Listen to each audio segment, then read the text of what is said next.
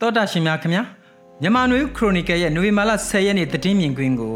ကျွန်တော်လွတ်လပ်နွေဦးကဖတ်ကြားတင်ပြပါမယ်ကုလသမဂ္ဂရဲ့အပြစ်ရဖို့ပန်ကြားချက်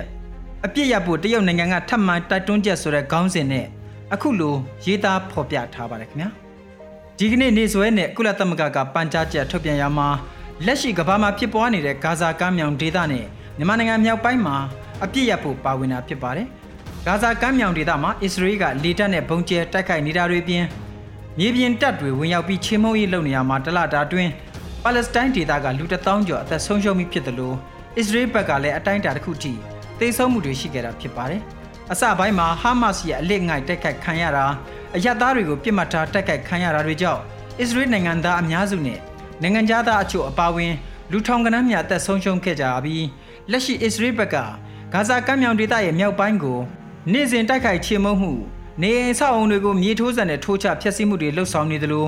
ဆေးရုံတွေကိုလည်းတိုက်ခတ်ခံရတာကြောင့်ကုလသမဂ္ဂအနေနဲ့အပြစ်ရဖို့ပန်ကြားရမှာကမ္ဘာသတင်းတွေမှာလွှမ်းမိုးထားတဲ့ဂါဇာကမ်းမြောင်ဒေသကတိုက်ခိုက်မှုသတင်းနဲ့တူမြန်မာနိုင်ငံမြောက်ပိုင်းအထူးသဖြင့်ရှမ်းပြည်မြောက်ပိုင်းနဲ့ကချင်ပြည်နယ်စကိုင်းတိုင်းမြောက်ပိုင်းကတိုက်ခိုက်မှုတွေကြောင့်ရက်တရပတ်နှစ်ပတ်ကျော်တွင်ဒုက္ခသည်9000ကျော်ရှိလာနေတဲ့အဖြစ်အပျက်ကိုပါတရွဲတဲ့ထည့်သွင်းပန်ကြားသွားတာဖြစ်ပါတယ်။ မြန်မာနိုင်ငံမြောက်ပိုင်းကအရှိန်မြင့်လာတဲ့လက်နက်ကင်တိုက်ခိုက်မှုတွေရဲ့အကျိုးဆက်ဖြစ်တဲ့စစ်ဘေးရှောင်ဒုက္ခသည်တွေကိစ္စကိုအတိတ်ကရည်ညွှန်းကအပြစ်ရဖို့ကုလသမဂ္ဂပန်ကြားခဲ့တာဖြစ်ပါတယ်။ပြည်တွင်းကစစ်ကောင်စီကိုဆန့်ကျင်တိုက်ခိုက်နေတဲ့လက်နက်ကင်အဖွဲ့တွေအနေနဲ့တော့လက်တလောဖြစ်ပွားနေတဲ့စစ်စင်ရေး1027ဟာစစ်ကောင်စီတပ်တွေရဲ့အထိုင်စခန်းတွေအုပ်ချုပ်နေတဲ့မြို့ချုပ်ကိုတင်ယူရရှိခဲ့တဲ့အောင်မြင်မှုတွေရရှိခဲ့တဲ့အပေါ်စစ်တပ်တက်ကြွကစစ်ကောင်စီရဲ့စစ်ရေးထိန်းချုပ်မှုတွေကိုထပ်မံတိုက်ခိုက်နိုင်မဲ့ မျှော်လင့်ချက်တွေရှိနေတဲ့အနေအထားဖြစ်ပါတယ်။ယခုရက်ပိုင်း KNU ကပြောရေးဆိုခွင့်ရှိသူဖတိုစောတော်နီကသတင်းမီဒီယာတစ်ခုနဲ့အင်တာဗျူးမှာပြောဆိုထားတယ်လို့စစ်ပွဲတစ်ခုတိုက်ခိုက်တဲ့အခါ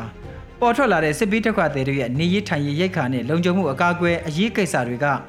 တွဲရက်ပါရှိလာတာဖြစ်လို့လက်တလောမြောက်ပိုင်းကညီနောင်မဟာမိတ်လက်နက်ကင်၃ဘွဲ့ရဲ့စစ်စင်ရေးတန်း27တိုက်ခိုက်တယ်လို့မြန်မာနိုင်ငံတောင်ပိုင်းဒေသတွေမှာ KNU အနေနဲ့ကြကြပြန့်ပြန့် စစ်ကောင်စီတပ်တွေစခန်းတွေကိုတိုက်ခိုက်ခြင်းမပြုနိုင်သေးတဲ့အကြောင်းရှင်းလင်းပြောဆိုသွားတာတတိပြုမိပါတယ်။ KNU အနေနဲ့1990ခုနှစ်ကာလတွေက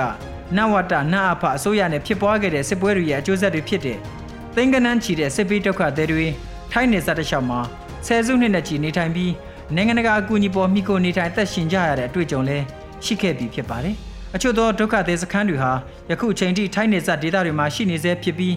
မျိုးဆက်နောက်တစ်ဆက်ထိနေထိုင်နေကြဆဲအနေအထားလည်းဖြစ်ပါတယ်။အခုလက်တလောမြန်မာနိုင်ငံမြောက်ပိုင်းမှာဖြစ်ပွားနေတဲ့စစ်ပွဲတွေမှာတော့အိန္ဒိယနိုင်ငံဖြစ်တဲ့တရုတ်နိုင်ငံကအရေးပေါ်အခြေအနေမှာဒုက္ခသည်တွေအတွက်အနေဆက်ကိုဖွင့်ထားပေးပေမဲ့ထိုင်းနိုင်ငံနဲ့မူဝါဒအခြေအနေကွာခြားတာလဲတတိပြုစရာတစ်ချက်ဖြစ်ပါတယ်။စစ်စင်ရေးတန်27ဟာတရုတ်ရဲ့မိစိမ့်ပြတ်မှုပါတယ်မပါဘူးဆိုတဲ့မှန်းဆချက်အကဲဖြတ်ချက်တွေထွက်ပေါ်နေပေမဲ့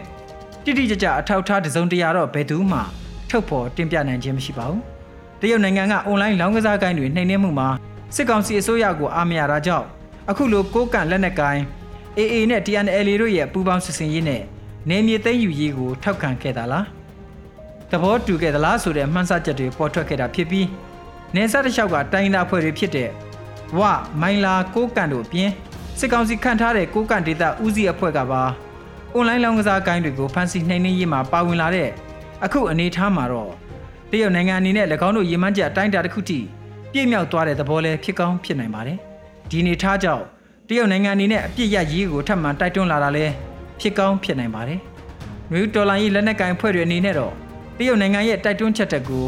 မိမိတို့ရဲ့ရေမှန်းချက်ဘယ်လောက်ထိရောက်ပြီလဲ။နောက်ထပ်တိုက်ခိုက်နိုင်တဲ့အခြေအနေမိမိတို့ဘာအစဉ်သင့်ရှိမရှိအပေါ်မူတည်ကာဆုံးဖြတ်ကြရမယ်အနေထားဖြစ်ပါတယ်။ကိုကန်ဒေတာကမြို့သိမ်းစစ်စခန်းသိမ်းတာတွေကိုပြီးခြားထားကာ မြန်မာနိုင်ငံမြောက်ပိုင်းကချင်နဲ့စကိုင်းအဆက်ကမြို့ချုပ်ကိုတင်ယူနိုင်တာနောက်ထပ်မြို့ချုပ်ကိုတိုက်ခိုက်နေတာတွေကိုအကဲခတ်ကြည့်ရင်အန်ယူဂျီ PDF တွေရဲ့လက်တလောစစ်စင်ရေးရင်မှန်းချက်အပြည့်အဝမရောက်သေးတဲ့အနေအထားမျိုးဖြစ်နိုင်ပါတယ်။အခုရက်ပိုင်းမှာကောလီနဲ့ခမ်းပတ်ပြင်းနောက်ထပ်မြို့တွေဖြစ်တဲ့ပင်လယ်ဘူးထိကြိုက်မြို့တွေကိုတိုက်ခိုက်နေဆဲဖြစ်ပြီးအဆိုပါမြို့ကဒေသခံတွေလည်းတိမ်းရှောင်နေကြတဲ့အနေအထားဖြစ်မယ်လို့ယူဆရပါတယ်။မြို့တွေတိမ်းယူဖို့စ조사တဲ့အခါမြို့ပေါ်နေထိုင်တဲ့လူထုကိုအားလုံးနီးနီး တင်းရှောင်ခိုင်းကြတဲ့အနေအထားမျိုးဖြစ်ပြီးတင်းယူပြီးတဲ့နောက်ဘယ်လိုအစီအမံနဲ့မြို့ကိုဆက်လက်စစ်ရေးရအုပ်ချုပ်ရေးရထိမ့်သိမ့်ကြမလဲဆိုတဲ့အစီအမံတွေကအရေးတကြီးလိုအပ်ချက်ဖြစ်လာပါလိမ့်မယ်မြို့ကိုတင်းယူနိုင်တာစိတ်တက်ရေးရာရထင်သာမြင်သာတဲ့စစ်ရေးအောင်မြင်မှုတရားဖြစ်တယ်လို့မြို့နယ်လူထုအဖို့အသက်အန္တရာယ်နဲ့၎င်းတို့ရဲ့ပိုင်ဆိုင်မှုပစ္စည်းတွေအားလုံးကိုထိမ့်သိမ်းကာကွယ်ပေးနိုင်တဲ့လောက်ပေးဖို့အစီအမံတွေလိုအပ်မယ်လို့ယူဆမိပါတယ်။ဒေသခံမြို့ကန်လူထုတွေအနေနဲ့ချင်းပြည်နယ်ကထန်တလန်လိုကံကြမ္မာမျိုး ကြုံကျင်ကြမှာမဟုတ်ပါဘူး။ဒီလိုမျိုးပျက်စီးသွားတဲ့အနေအထားတွေဘယ်လောက်ထိရှောင်လွှဲနိုင်မလဲဆိုတော့စစ်ပွဲမှာပါဝင်တဲ့လက်နက်ကင်ဖွဲ့အားလုံးနဲ့လဲသက်ဆိုင်နေလိမ့်မှာအသေးချာဖြစ်ပါတယ်။